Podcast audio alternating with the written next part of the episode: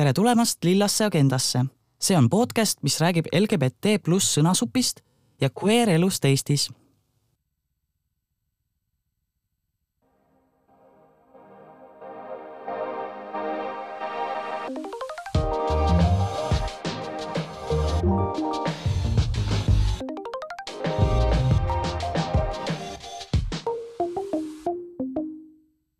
tere, Paul!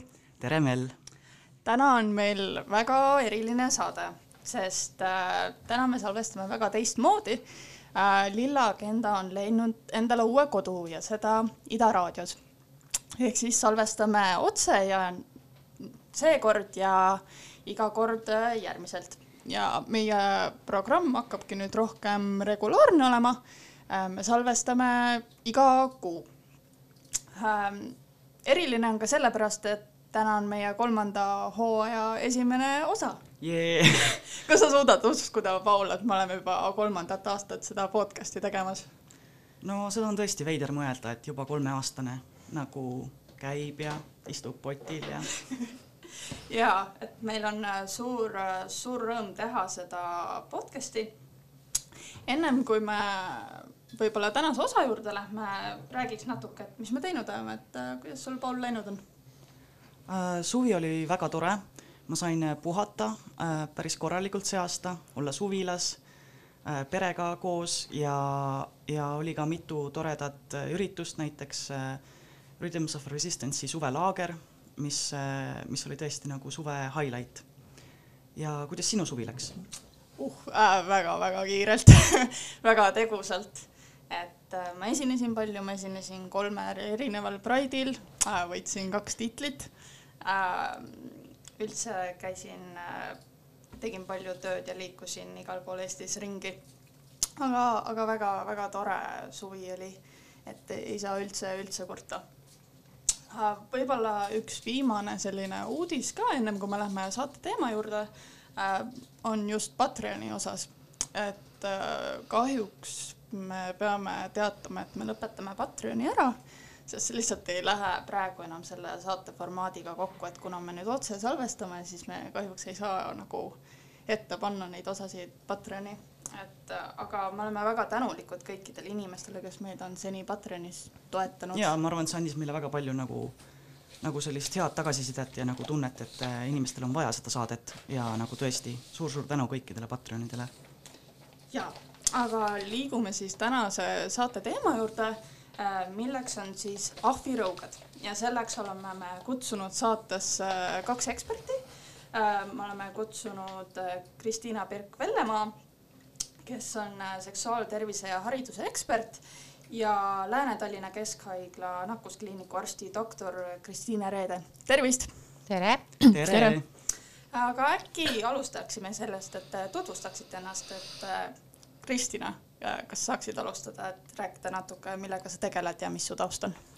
jaa, äh, mina tegelen, tere tegelen seksuaalsusega ähm, päris laias spektris mingis mõttes, aga teisest küljest, kui ma kuidagi seda peaksin nagu kokku tõmbama, siis ma väga palju vaatan seksuaalsust kultuurilisest aspektist ja ma olen küll seksuaaltervise, isegi ma ütleks, et pigem seksuaalhariduse ekspert aga tänaseks päevaks äh, olen ma ka endale toreda tiitli saanud, milleks on antropoloog ja antropoloogiat ma tegelikult läksin õppima sellepärast, et oma senist kogemust, koolitaja kogemust ja seksuaalhariduse valdkonna inimese kogemust ähm, palju sügavamalt mõtestada, saada aru, mis see on äh, palju sügavamal tasandil, millega me tegeleme ja tegelikult ega seksuaalsuse teemadest ja ka soolisuse teemadest ei saa üle ega ümber, ilma et me mõistame kultuuri õigemini.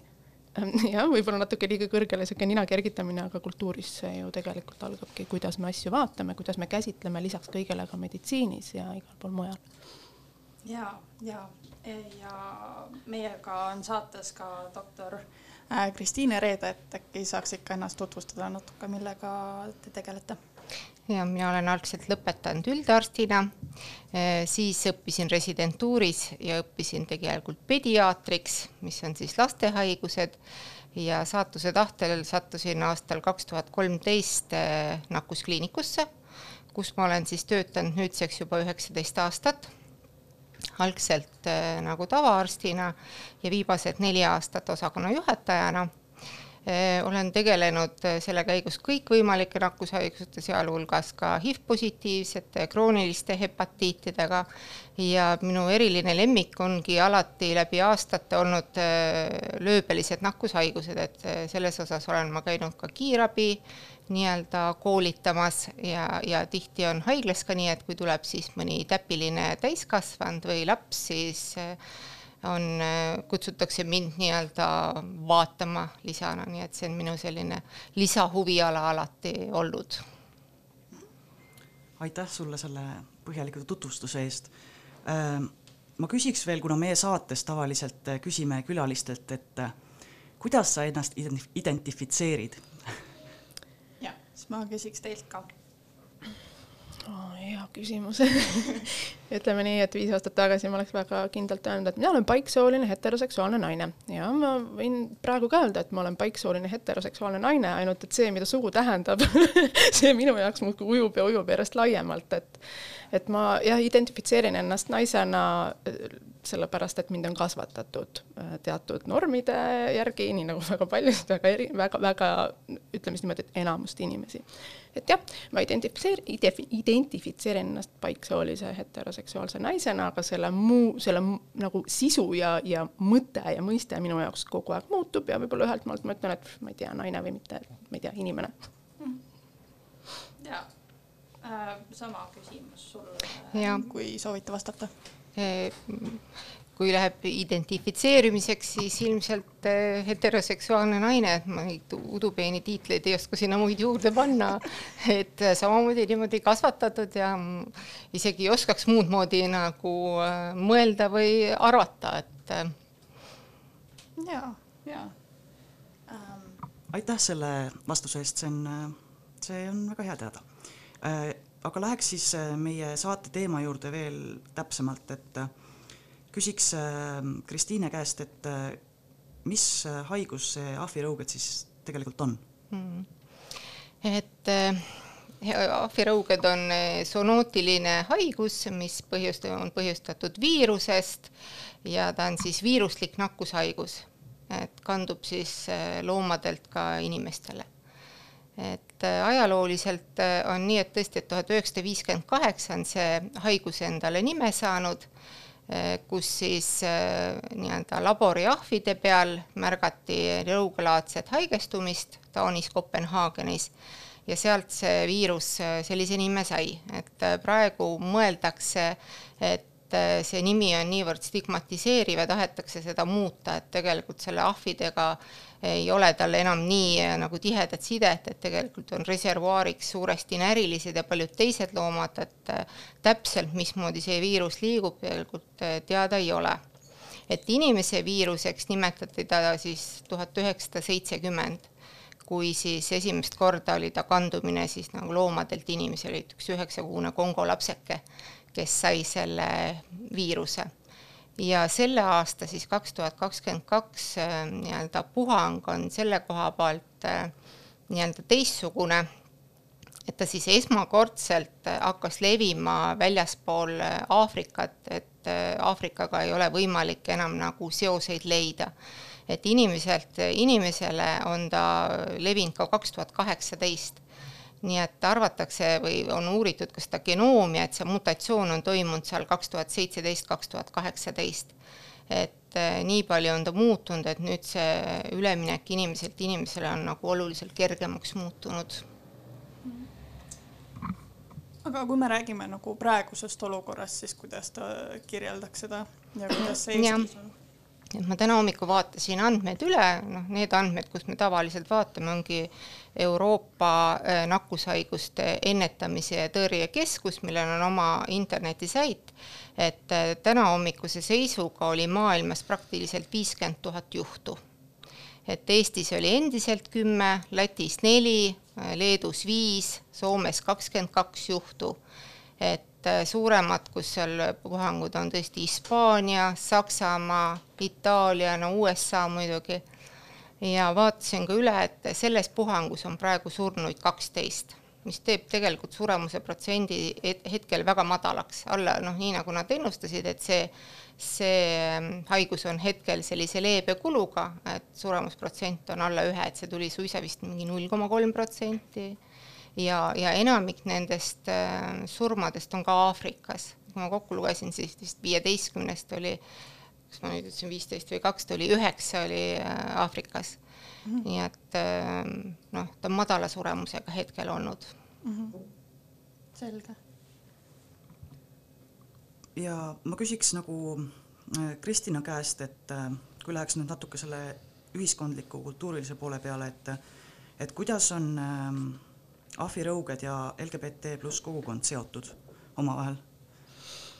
Nagu Kristiine ütles, ahvirõuged levivad praegu inimeselt inimesele ja LGBT Q pluss kogukonna moodustavad inimesed täpselt mm. nii nagu kogu ülejäänud maakonna ma,, maakonna ja ühiskonna ja, ja, ja inimkonna, et et sedapidi ma ütlekski, et, et on seotud. et ta levib nagu lähikontaktiga ja. selles mõttes, et noh, päris nii, et me siin nagu istume tunnikese, et siis on vähe tõenäoline, et seda nakkust saab, et ta on ikkagi nagu tahab lähikontakti. nahk naha ja, ja, et ähm, aga et see lähikontakti nii-öelda ütleme niimoodi, et see ei ole midagi, mis on ainult LGBTQ pluss kogukonnale omane. see puudutab tegelikult Just. Äh, kõiki. et tegelikult on öeldud selle kohta äh, seksuaalne riskikäitumine mm. -hmm selle leviku nii-öelda. ja täpselt selle juurde ma tegelikult tahtsin ka jõuda, et see on tegelikult suures osas ikkagi šanss, et see juhtus nagu, et praegu see levib nagu rohkem LGBT kogukonnas, sest noh, kui sa oletame, et sa oled gei mees ja sa saad ahvirõuget, siis ilmselt suurema tõenäosusega su ümber on äh, sõbrad või partnerid või üldse inimesed, kes on ka kogukonnast et äh, see kuidagi, nagu ma aru saan, ei ole kuidagi spetsiifiline LGBT kogukonnale, absoluutselt kõik inimesed võivad saada ahvirõugeid mm. -hmm. ja et küsimus ei ole ju identiteedis kui sellises, vaid selles noh, kuidas ma siis ütlen, pigem nagu väiksemas ruumis või et siin tuleb ikkagi vaadata natukene suuremat pilti ja kuidas need, need asjad omavahel seotud on, et mitte, mitte identiteet ja ahvirõuged ei ole nagu võrdusmärgiga. Jah, kui praegu statistikat vaadata, enamik nendest haigestunutest on mehed. et eh, noh, neid tulpasid ma ka täna vaatasin, et nad on ikka üle üheksakümne protsendi, et noh, selles mõttes seal väikses jupis on siis kõik, kõik nagu muud, et suuresti on ikkagi praegu puudutab mehi mm. -hmm. selge. see on hetkel, aga see ei tähenda, et ta ei või, jah. ja aga kas te oskate hinnata, et kui suur on selline oht, et see levib suuremas populatsioonis, see ahvirõugad, et mis on need äh, asjad, mida inimesed peaksid tegema, eriti praegu LGBT kogukonnas, et ennast kaitsta? jah, noh, mina sellist äh, Eesti kontekstist äh, sellist võimalust, et nüüd siin tohutult laiasi, laiali see läheb, tegelikult ei näe. et äh, ega see, see tegelikult taandub ikkagi suuresti seksuaalkäitumisele, sest kui sa oled ju püsipartneriga koos, siis sa ju nii-öelda tead, kellega ta varasemalt, kas ta on olnud, eh, mis probleemid, et siin noh, rohked seksuaalpartnerid, nende tausta mitteteadmine, et, et ta levib, noh, levib kõige paremini siis, kui lööve on juba peal et äh, ja, ja arvatakse ka ikkagi, et selles eelperioodis prodroomis kaks-kolm päeva enne lööbe tekkimist, et samamoodi levib. et kui on ikkagi nagu palju seksuaalsuhteid äh, tundmatute, noh, suhteliselt tundmatute inimestega, siis äh, on see risk olemas, et ainuke, mis seda riski annab vähendada, on vaktsineerimine. selles mõttes, et kui ei taha või ei, ei saa või ei taha muuta oma seksuaalkäitumist, noh, mina ei ole jälle see ütleja, eks, et kellega, kus ja mismoodi, et eh, siis on võimalus nii-öelda vaktsineerida. aga Eestis on praegu selle vaktsiinidega nii, et eh, need vaktsiinid, noh, neid on vähe maailmas selles mõttes koguseliselt vähe. Need jaotati äh, ikkagi nii-öelda ülevalt poolt äh, selle järgi, kuidas äh, haigestumus on, kui, kui palju haigeid on. ja Eestis on mindud praegu siis seda teed, et vaktsineeritakse ainult kontaktijärgselt ehk kui on teadaolevalt kontakt ahvirõuget põdevate inimestega, siis tema nii-öelda lähikontaktseid elukaaslasi, ma ei tea, toanaabreid, seksuaalpartnereid ja nii edasi, et mujal maailmas on, vaktsineeritakse tõesti kogukonda. Ja ka Eestis ma tean, teised arstid on rääkinud ikkagi nagu gei kogukonnas ollakse väga huvitatud sellest vaktsiinist, aga Eestis hetkel seda niisama praegu ei saa, ainult tahtmise peale. Aga oletame, et kui keegi soovib seda vaktsiini saada äh,, kuidas tal oleks võimalik seda saada? no Eestis lihtsalt niisama sa seda ei saa, see peab olema noh, nii-öelda kontakt, kontakt haige inimesega, et need kontaktsed selgitatakse välja ja nendele on mõeldud, et lihtsalt soovi peale Eestis vaktsiini ei saa, et tuntakse küll huvi, aga, aga hetkel küll eh, sellist võimalust ei ole. kas on nagu võimalus, et see tekib mingi hetk, et on võimalik ka suuremal populatsioonil no ma ei oska öelda, et selleks on eraldi inimesed, kes nii-öelda teevad need äh, taotlused, hindavad seda epiidsituatsiooni, et kuna seda vaktsiini vähe on mm, -hmm. siis on äh, nii-öelda see jaotumisprintsiip ja selline praegu olnud mm. -hmm. aga võimalik, et midagi muutub, et ma ei, kindlalt ei saa nagu väita, et, äh, et kõik see mm -hmm. võib-olla neid kontakte ei olegi nii palju, kes seda soovivad ja üks hetk öeldakse, et kes tahab, tulge, et mhm. selle peale jah, ma ei saa kindlalt nii öelda ähm,. kas see on siis nagu mingil määral seotud sellega, ma saan aru, et see kogukond on Eestis väike äh, ja, ja seetõttu nagu mulle tundub, et, et nagu ei ole võib-olla nii palju huvi selle vastu, selle, selle mm, haiguse vastu näiteks kas või meedias sellest väga ei kirjutata. Ähm, noh, natuke jääb selline mulje, et, et, äh, et nagu ei, ei hoolita sellest, et, et, äh, et näiteks äh, geimehed või siis teised kogukonna liikmed võivad nagu nakatuda selles mõttes, et äh, ega minul on väga raske seda hinnata, et noh, nad käivad meie juures ka oma muude probleemidega, HIV-positiivsute ja nii edasi, et äh, teised arstid on küll öelnud, et äh, huvi on olnud, et käiakse, küsitakse, kirjutatakse, aga samas ma tean ka seda geiseltson, kes ütleb, et ongi Eestis on nii väike valik nagu seksuaalpartneriteks, et et nad reisivad nii-öelda ringi Hispaaniasse, Amsterdami nii-öelda ja, ja seal on kontakte, nii et noh, need haiged, kellega ka mina olen tegelenud või kellega kokku olen puutunud, need on ka äh, nii-öelda mm, reisid olnud ja seal seksuaalsuhted. et äh, kui noh, ma ei, tea, kui palju neil nii-öelda teadmata vahekordi siin Eesti pinna peal on, et ma ei tea, kui suur see gei seltskond äh, siin on arvuliselt, aga eks nii-öelda Terviseamet hindab ikkagi seda haigestunute arvu ka nii-öelda populatsiooni peale, et hästi, kui vaadata Leedut ja Lätit, kes on tegelikult populatsioonilt suurem ja neil on ju poole vähem haigeid, ma vaatasin ka Soomet, eks ainult kakskümmend kaks haiget et nende riskide hindamine on jah, seal äh, teiste inimeste nagu rida, aga huvi kindlasti selle vaktsiini vastu on. kas te teate, kas te teate, kas näiteks Soomes on võimalik vaktsineerida ennast soovi korral või?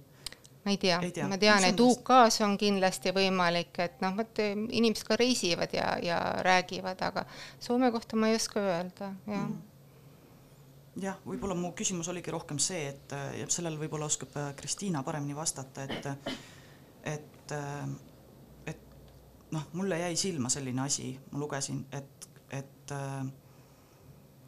noh, et soovitati nagu mitte seksida.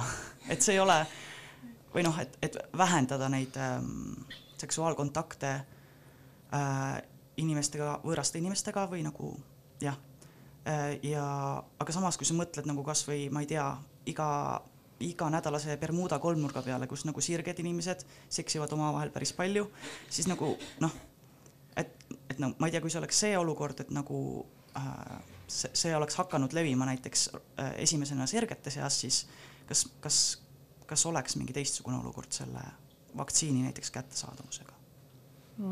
mul on raske öelda kas oleks või ei oleks, nii keeruline on, noh, ma ei ole üldse meedik ega meditsiinisüsteemi ei, ei vaata nagu selle külje pealt. küll aga tekivad mul mingisugused paralleelid, ma olin üheksakümne kaheksandal, üheksakümne üheksandal aastal noorsootöö tuhat üheksasada siis räägime jah? Noorsootöö eriala tudeng. ja meil olid ka sellised äh, tunnid nagu äh,, kui ma õigesti mäletan, siis olid need meediatunnid või raadiotunnid, me käisime tegemas raadiosaateid. Ja Nelli Kaalikova oli see inimene, keda me toona siis äh, intervjueerisime, üheksakümmend kaheksa, üheksakümmend üheksa HIV, AIDS, äh, noh, eks ju, kõik need teemad äh, olid väga tulised või muutusid järjest tulisemaks. Ja ähm, toona noh, tema oli väga mures sellepärast, et, et seda sellist poliitilisel tasandil ei mõisteta äh, nii kaua asju, kuni see ei puuduta suuremat sootsiumit.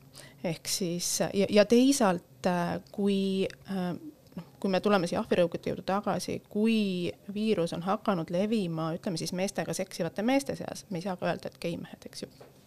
et ükskõik, kuidas me siin ühesõnaga mitte ükskõik ei ole see, kuidas me seda ka äh, defineerime, aga et siis ta, ta nagu saab väga kiiresti ju selle sildi külge, et see on mingisuguse väikese kogukonna teema ja ma vaatasin ka äh,, vaatasin ka Terviseameti kodulehte või Terviseameti lehelt siis, et ehkki seal on välja toodud, et äh, ahvirõuged puudutavad inimesi olenemata soost ja olenemata seksuaalsest sättumusest siis järgmine lause on, et eriti puudutatud on meestega seksivad mehed. ma võin aru saada, mis seal ja ma räägin, mina vaatan asja kultuuri uurija pilguga, eks ju, ja, ja ka seksuaalhariduse eksperdi pilguga, et ma võin aru saada, mis selle taga on ja teisalt ma, ma endiselt imestan, et, et kas ei ole noh, võimalust kuidagi tundlikult ja teadlikult ja, ja vastutustundlikult seda informatsiooni jagada, sest me teame, mis meie ühiskonna laetus on ja kuidas inimesed reageerivad. seda esiteks ja teiseks, kui ma vaatasin uudiseid ja, ja otsisin erinevaid artikleid, siis artikkel artikli järel on välja toodud ja no eriline kurioosum oli üks kahekümne viienda augusti artikkel, kus üks Postimehe ajakirjanik, suhteliselt kurikuulus ajakirjanik, kirjutas sellest, kuidas ühel inimesel avastati korraga Covid, HIV ja ahvirõuged ja kujutage ette, tegemist oli inimesega, mehega, kes eksis meestega, eks ju, ja noh, ühesõnaga kogu see meediapilt ja see, kuidas meedia seda kujundab, äh, räägib ju ka hoiakutest laiemalt. Ja laiemad hoiakud saavad ju mõjutatud sellest, kuidas meedia seda kujundab meil ei ole muidugi hooba või mingisugust, ma ei tea, võluvitsa, et muudame nüüd selle või teise või kolmanda ära, aga kui sealt tuleks nagu tasakaalustatud käsitlus ja ma saan aru, et on mingid tõenäolised, tõenäosused ja praegu on meditsiinis pilt selline, selline, aga, aga sageli sealt puudub ka selline laiem arutelu nendel teemadel, just nimelt see, miks ta praegu on, miks või, või, või, või see, et see ei defineeri konkreetselt kedagi ja see ei defineeri konkreetselt midagi ja see ei välista üht või teist või kolmandat asja.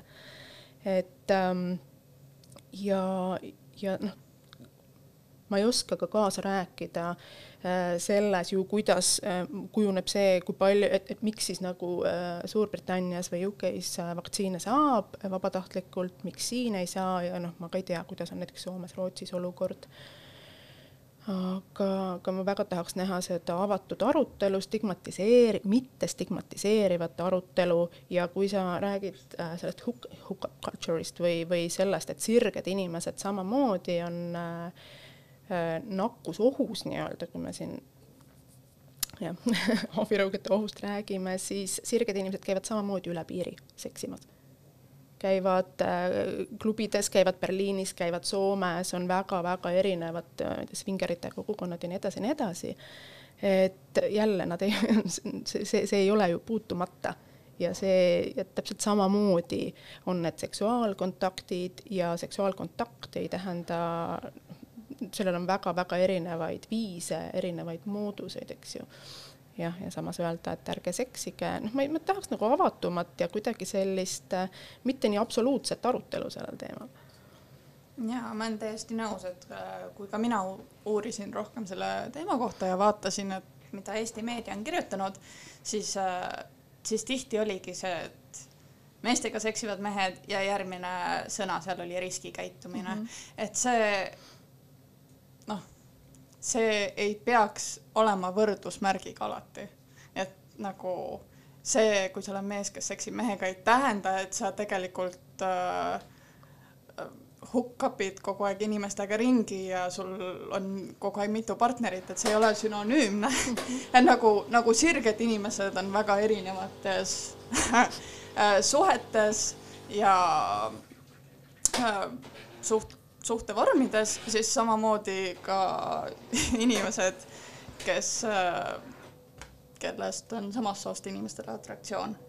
et äh, ma olen täiesti nõus, et ma sooviks ka sellist avatumat, faktipõhisemat ja sekspositiivsemat äh, lähenemist sellele teemale äh,. kuidas sa tunned, Paul?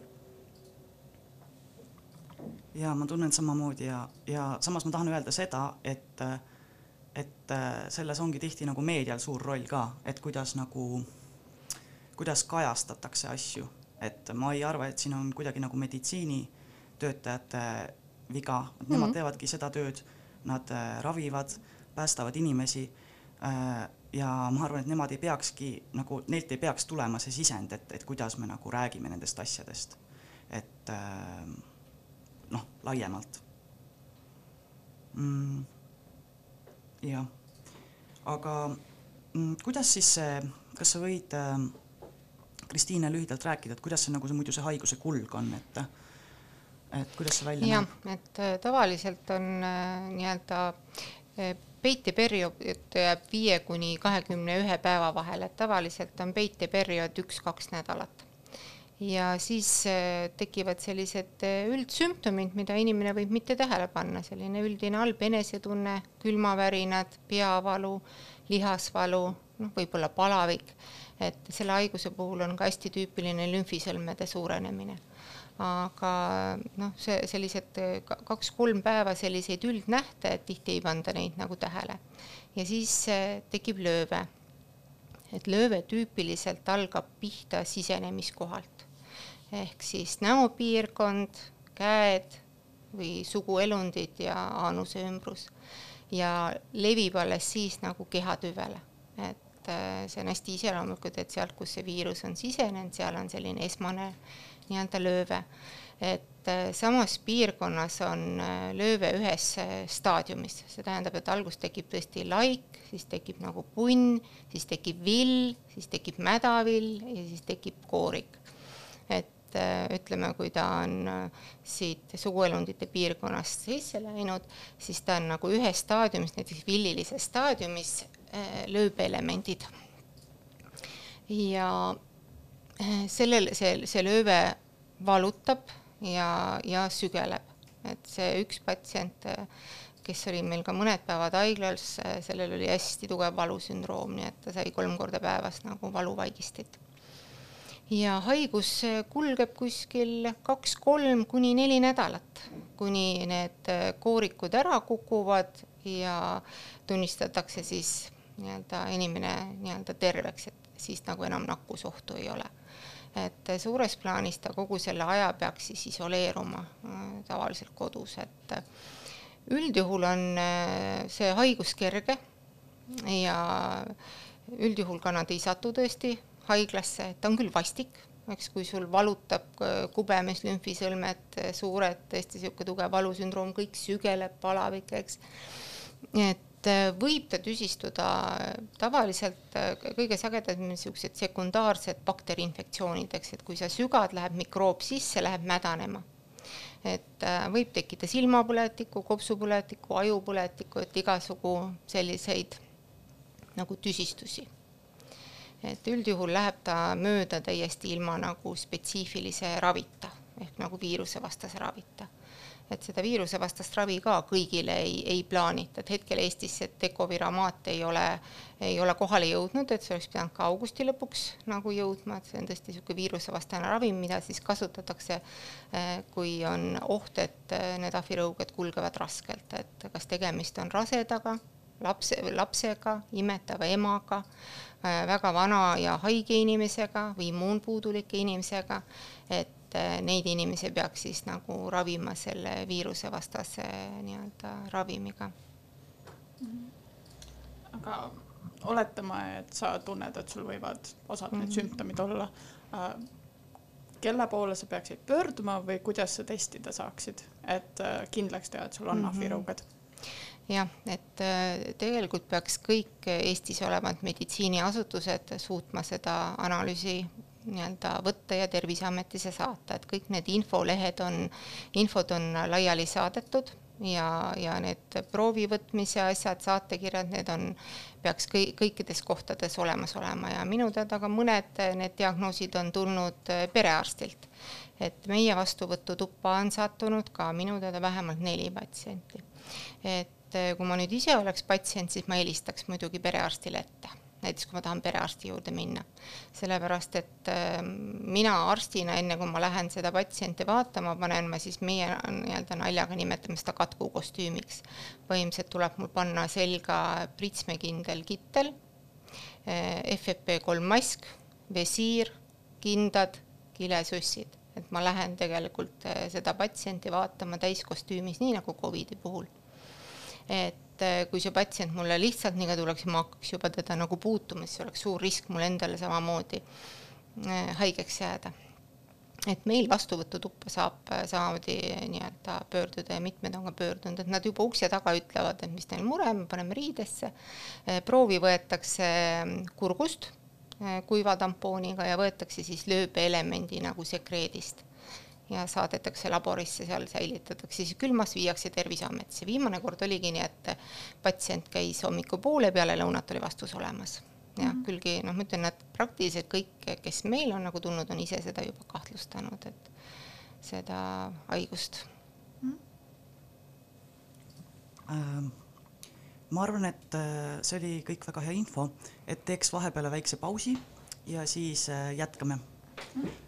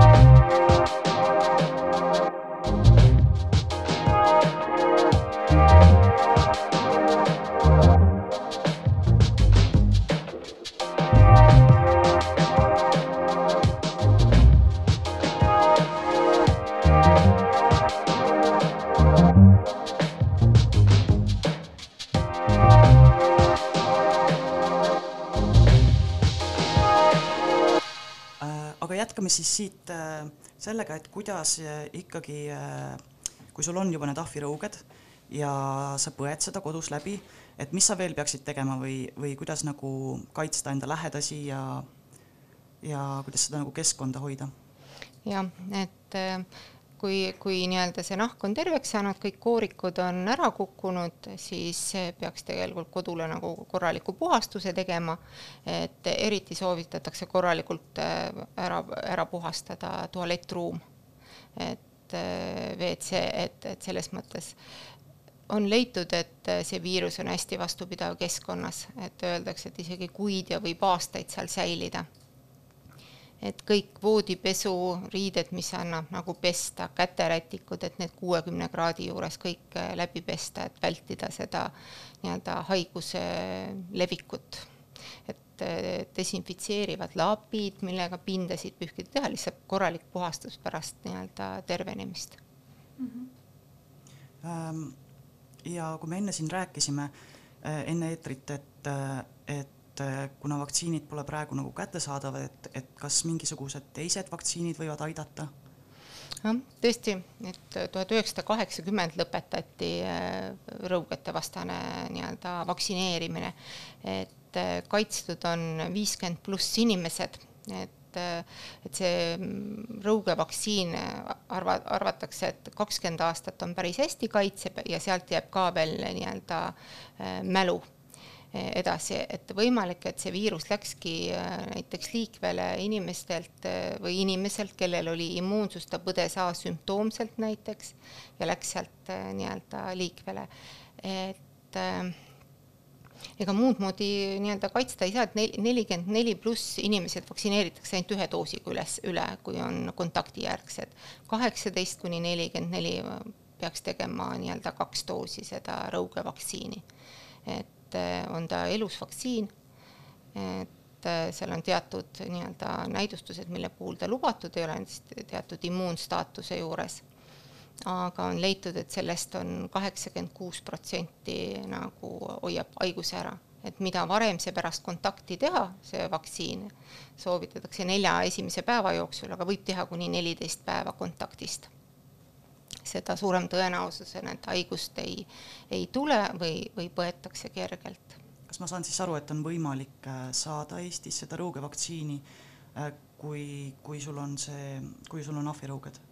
Äh, võimalik sa, oled... on sa, saada siis, kui sa oled kontaktis ahvirõugete haigete, haigega mm -hmm. olnud. okei okei samamoodi. jah, samamoodi, jah, hetkel küll nii et juhul, kui nagu see, kui vaktsiin saab otsa, see ahvirõugete oma, et siis te kasutataksegi seda? see on rõuge, see on sama vaktsiin, see on, see on noh, olemas olnud, et teda hakati lihtsalt juurde tootma, et et ta oli, see vaktsiin oli olemas, ütleme, laboritöötajate jaoks, kes kokku puutusid või, või inimeste jaoks, kes töötasid loomadega, et see ei ole mingi uuesti toodet või tähendab, selles mõttes alles nii-öelda välja töötatud vaktsiin, et see vaktsiin oli olemas. et et äh, rõugeviirust äh, ka maailmas äh, säilitati või säilitatakse Venemaa ühes laboris ja Atlantas USA-s. et see vaktsiin oli varasemalt olemas, nüüd lihtsalt hakati seda juurde tootma ja ega seda ei, ei suudetagi nii kiiresti nii palju toota, et hetkel on seda vaktsiini vähe.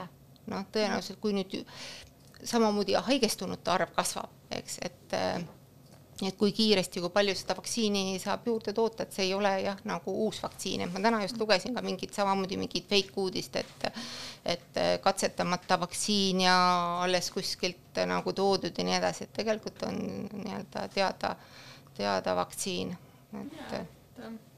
nagu te ennem välja tõite, et see ei ole tegelikult nagu uus haigus, et me mm. nagu teame selle mm. kohta Äh, see on aastakümneid juba eksisteerinud, et selles mõttes nagu mingil määral on ikkagi uurimistööd ju tehtud selle äh, haigusega. jaa, noh, see, see viirus kindlasti on muteerunud, sellepärast et ta tõesti ennem levis praktiliselt ainult kas Kesk- või Lääne-Aafrikas ja olid äh, puhanguid küll tõesti ka Euroopas ja Ameerikas, aga nad olid alati siis äh, seotud kas reisimise või sealt pärit loomadega, et tal ei olnud niimoodi sellist äh, Äh, levikut, et antud selles situatsioonis me ei tea, kus ta täpselt nagu, et see ei ole enam ühenduses nii-öelda Aafrikaga.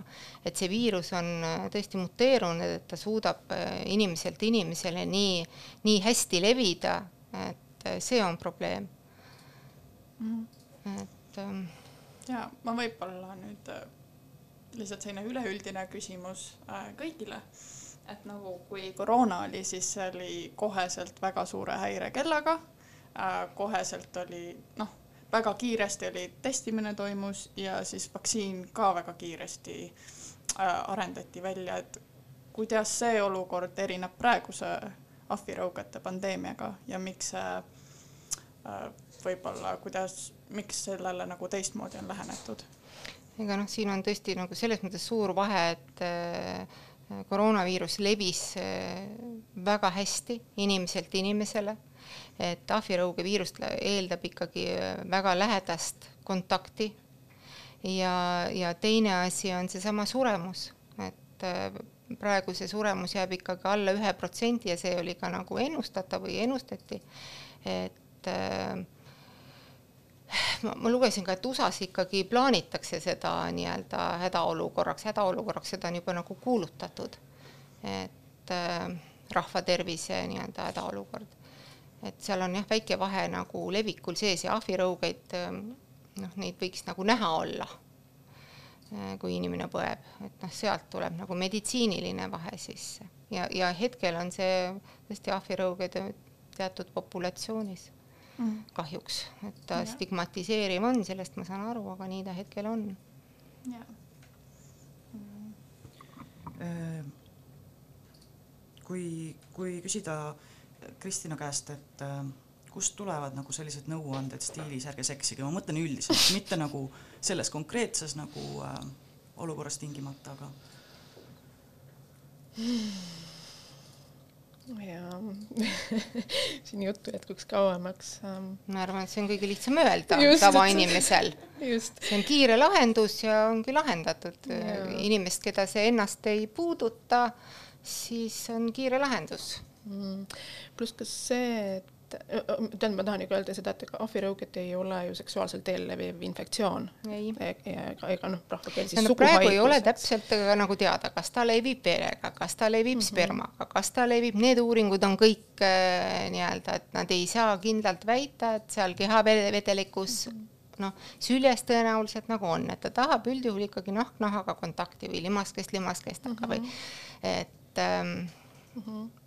Ja, ja oi kui hea küsimus, Paul. Sellepärast ma arvan ka äh, tulevad need soovitused väga niimoodi varrukast, et äh, seksi all mõeldakse penetratiivset seksi, oi, ma eile alles äh, raiusin sellel teemal enda Instas ja Facebookis, aga või üleeile. Äh,. et mida see seks üldse tähendab, et äh, ja mida seksi all mõeldakse, eks ju, et et äh, kui öeldakse, et ärge seksige, siis arvatakse, et jätke, ma ei tea, peenis kusagile sisestamata ja on justkui probleem olemata ühest küljest ja teisest küljest noh, nagu ma juba ütlesin, et mida siis seksi all nagu mõeldakse või, või kuidas mõtestatakse seda, et mida see, mida see ka inimeste jaoks tähendab, ühe või teise inimese jaoks, kui talle öelda, et ärge seksige.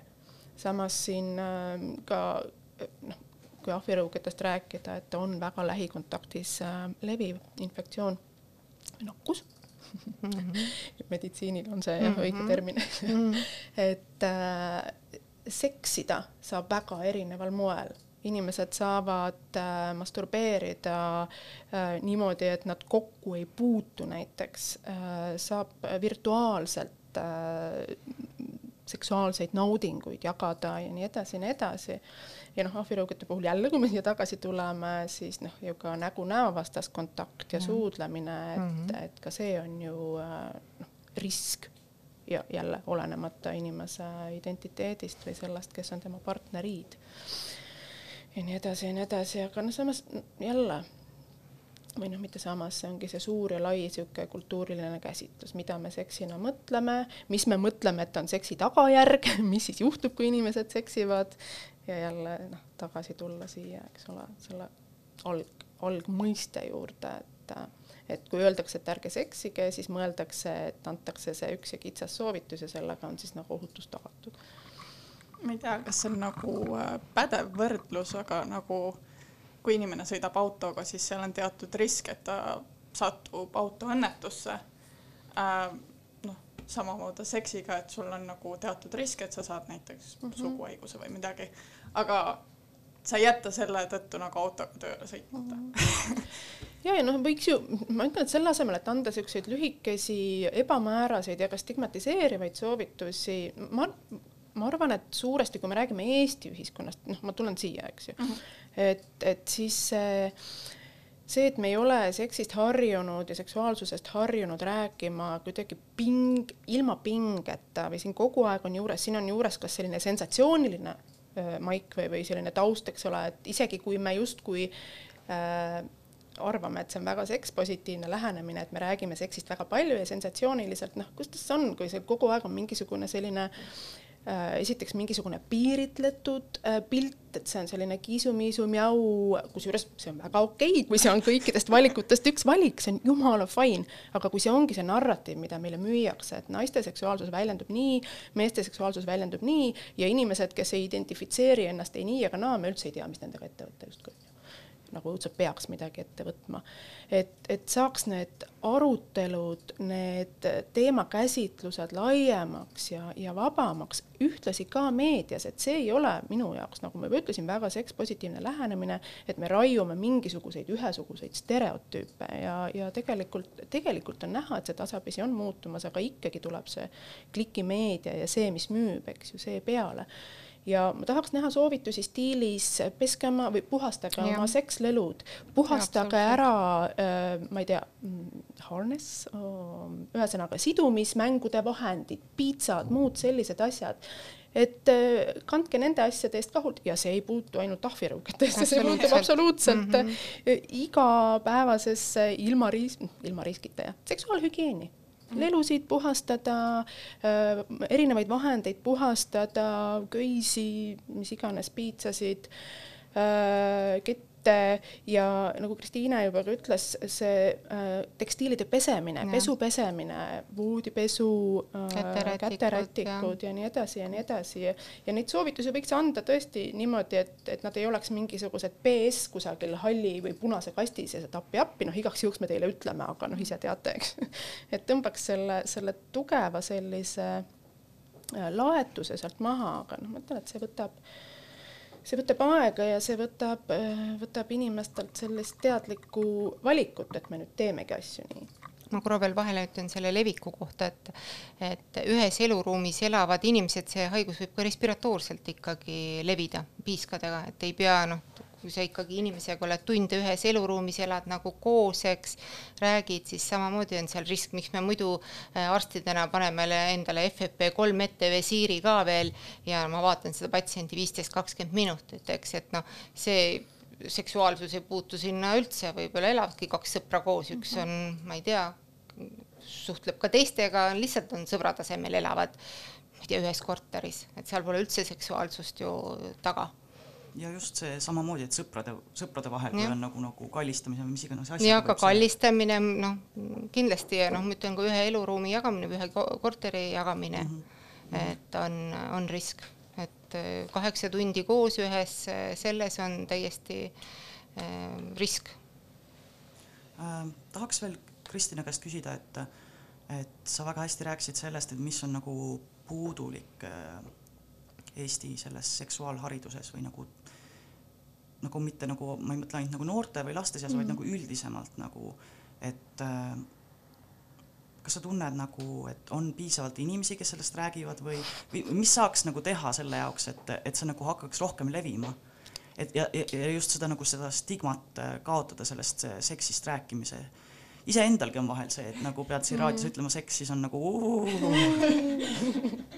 iga kord tuleb piip, piip no,. mina noore tohtrina ei julgenud patsientide käest ka üldse seksuaalelukoha kohta küsida, nüüd tuleb nagu mõni ei saa isegi sellest küsimusest nagu aru, kui mõni mhm. vanem härra, aga ma mäletan, ma olin alguses ka väga häbelik ja tagasihoidlik või mm -hmm et nüüd tuleb see nii loomulikuna, et see tahab jah harut-, harjutamist saada mm. -hmm. ikka peaks olema inimesi rohkem ja, ja just nagu Kristiina siin ütles, et, et ka see, ka see arstide seas, meedikute seas lisaks kõigile, aga seks ei ole seksuaalsus ja seks, noh, ta ei ole kliiniline nähtus, ta ei ole meditsiiniline nähtus ainult, et väga pikalt on meil olnud tegelikult äh, ka selline noh, võrdusmärk, et seks ja seksuaaltervis võrdub midagi kliinilist, et sellega mm tegelesid gümnakoloogid või siis üksikud meestearstid, keda Eestis on noh, vähe, üldse meestearste on ju vähem kui naistearste seda ka nii-öelda mm -hmm. ütleme siis niimoodi, et anatoomiliste eripärade pärast, aga ähm, kui neid inimesi ka tekib juurde ja neid tekib juurde, äh, seda, noh, seda ühest küljest on tore näha, siis teisest küljest jälle ähm, nagu ma enne ütlesin, see ei pruugi alati olla seks positiivne et kui me räägime, ma ei tea, naiste, meeste seksuaalsusest, sealt tihtipeale, et see on heteronormatiivne, ehk siis räägitaksegi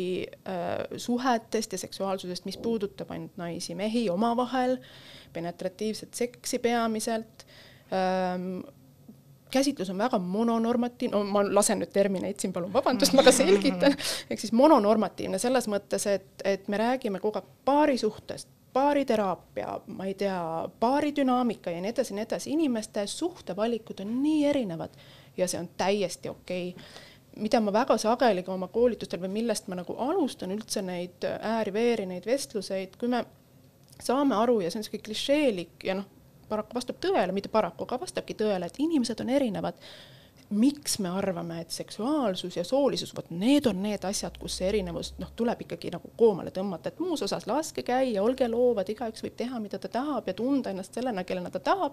aga kui me soolisusest ja seksuaalsust räägime, siis see kuidagi noh, ikka tuleb tagasi jälle mingisugusesse väikesesse kasti või, või, või ma ei tea, purki. ja eks ta tekitab segadust ja tekitab hirmu ja teisalt selline ülemüstifitseeritud ja nüüd ma tulen siin räägin ise soobinaarselt, aga, aga naise jah, ja soobinaarsus on ka üks teema, mis, mis, mis on problemaatiline, et ühesõnaga need kategooriad, need, need, need binaarsused, need mees, naine need on tegelikult aastal kaks tuhat kakskümmend kaks ka selles mõttes problemaatilised, et kui me räägime seksuaalharidusest, mida noored ise räägivad, noh, ma töötan nii koolitaja kui nõustajana kui ka loon sisu ja nii edasi ja nii edasi siis see inforuum, ma vaatan ka oma üheteistaastast last äh,, nende inforuum äh, annab neile niivõrd palju äh, justkui seda vabadust ja justkui noh, erinevaid mõjuisikuid ja influencer'id, loomulikult ma ju äh, püüan tagada ka oma lapse turvalisuse selles mõttes, et, et ma tean, mida ta internetis teeb enam-vähem. Neil on nii palju infot, aga justkui seksuaalhariduses ei tule see meie ruum sinna järgi. Et ja, ja ka suhetest rääkides, et selle asemel, et rääkidagi ainult äh, paarisuhetest ja, ja jätta välja igasugused muud erisused, me peaksime rääkima mitmekesiselt asjadest, et noh, mingid suhtanarhiad ja nii edasi ja nii edasi, need ei tule üldse teemaks, ka kooli seksuaalhariduses mitte, sest ka need, kes annavad haridust, nad ise ei ole ja ma saan täiesti aru, sest inimesed tulevad väga erinevate taustadega ja ka meil Eestis ei, ei ole sellist laiapõhjalist õpetajate ettevalmistust ka mitte. Äh, ja noorsootöötajad ja nii edasi ja nii edasi, ka sotsiaalpedagoogid ja üldse inimesed, kes tegelevad inimestega, nende ettevalmistus seksuaalsuse ja soolisuse teemadel peaks olema palju laiem, aga see esiteks paraku ei ole. ja, ja, ja teiseks, no inimeste selline meediakriitilisus on hästi oluline ja mida ma soovitan, ongi kui inimesed kasutavad sotsiaalmeediat, siis oma mulli järjest rohkem sisse tuua sellist äh, mitmekesisust, sekspositiivset lähenemist, erinevaid influencer eid, kes avavad ka seksuaalsust erinevate külgede pealt. et äh, noh, me ei pea seda kõike müstifitseerima, aga me võiksime seda nii-öelda normaliseerida positiivses võtmes ja mõista selle eri, erisust, erinevust ja, ja rikkalikkust ja mitmekesisust jaa, ma olen täiesti nõus. kui ma mõtlen selle peale tagasi, mis minu seksuaalharidus oli, kui ma äh, aastaid tagasi nüüd äh, koolis olin, siis see oli ka lihtsalt äh, no selline, selline suguhaigus eksisteerib ja ära saa seda ja, ja kõik, et nagu absoluutselt ei kajastanud seda nagu neid suhtevorme, kuidas, kus mina olen või nagu äh, isegi ei näinud ennast äh, äh, nagu ennast selles, mida õpetati seksuaalharidusel. nii et ma täiesti nõustun, et on vajalik näidata neid erinevaid ähm, vorme, kuidas on võimalik olla ja ilma stigmata. et nagu, kui me räägime väiksemast grupist ja eriti kui inimesed ei tea võib-olla palju inimesi, kes on LGBT kogukonnast, siis see stereotüüp on nagu väga kerge tulema. ja siis ongi, aga, aga kõik geimehed on sellised mm -hmm. või mhm. nagu kõik geimehed on riskikäitu-, ei ole ei ole äh,. me ei saa nagu panna inimesi ühe latiga ja öelda, et nad kõik on sellise käitumisega. see tek-, noh, sellised stereotüübid pigem juba tek-, ma ei saa absoluutselt meestega seksivate mm -hmm. meeste eest rääkida. lihtsalt sellised stereotüübid tekitavad ka nagu enda sees äh, sellist internaliseeritud homofoobiat mm. -hmm või nagu sul endal on halb, et nagu, nagu kas inimesed eeldavad, et sa oled selline või siis, kui sa ei ole, siis sa ei mahu kuskile äh,. või mis sa arvad, Paul? jaa, ma nõustun ja lisaks ma arvan, see, et tegelikult nagu, okei, kui me räägime praegu sellest, et kes on see riskigrupp, on ju, äh, või no kus, kus ta nagu praegu levib Eestis, siis on nagu see, et tegelikult need ei ole ainult mehed, meestega seksivad mehed, vaid ka näiteks mittepinaarsed inimesed mm., transinimesed, kes võivad nagu samamoodi nagu olla selles nii-öelda sellises nagu samas äh, samade nagu nii-öelda nende suguelunditega. ja näiteks biseksuaalsed inimesed, et see ei ole ainult nagu nii kitsas see grupp äh,, keda see mõjutab. ma ütleks, et see ei ole ainult nagu geimehed muidugi äh. ei ole ja kui me vaatame statistikat, äh, ma küll huviga ootan Tai järgmist äh, uuringut, et kuidas tema siis, ma ei tea, järgmine aasta äkki tuleb see välja, kus on ka täiskasvanud inimeste seksuaalkäitumine. aga viimane uuring näitas seda, mina olen näiteks kolmkümmend viis pluss vanuses heteroseks-, nii-öelda heteroseksuaalsete inimeste pärast väga mures, sest et kui me räägime ja turvaline seksuaalkäitumine, turvaseks ei ole ainult kondoom, see hakkab ikkagi sellest, et mis on nõusolek, kuidas turvaliselt üksteisega suhelda, see on turvalise seksuaalkäitumise alus, kommunikatsioon, nõusolek, piirid ja loomulikult ka erinevad, noh, kui me räägime kondoomist või räägime turvakillest, noh, millest üldse väga vähe räägitakse, siis äh, seda täiskasvanud inimesed äh, väga sageli ei pruugigi tunnistada, aga me, me räägime justkui oleks riskirühm või riskigrupp ainult äh, LGBTQ pluss kogukond, noh, ei ole ja siin selle puhul ju tegelikult ahviraugade puhul kondoom ei kaitse mm., mul tuli kohe meelde, sa võid selle ju peale nagu tõmmata mm, -hmm. aga noh, nahaga kontakti yeah., suudlemine ja ikka on haigus käes. et selles mõttes ei, ei annagi sealt äh, nii-öelda kaitsta. ja, aga mul on väga hea meel kuulda, et on arstid nagu teie mm, -hmm. kelle poole inimesed saavad pöörduda mm -hmm. ja saavad abi ja on avatud inimeste suhtes nagu meie ja see tähendab meile väga palju. ma arvan, et äh, siin juttu jätkub tundideks äh, sellel teemal, aga hakkame võib-olla varsti äh, otsi kokku tõmbama. et meil on äh, meeletult hea meel, et äh, tulite meie saatesse ja rääkisite nii avatult sellest teemast mis, äh, kui aus olla, siis ei ole väga saanud avalikku tähelepanu, et see tundub natuke ka selline nähtamatu pandeemia, mis tegelikult äh, mõjutab rohkemaid, kui äh, praegu välja paistab. et suur-suur aitäh teile saatesse tulemast. aitäh, kallid saatekülalised. aitäh teile. järgmiste kordadeni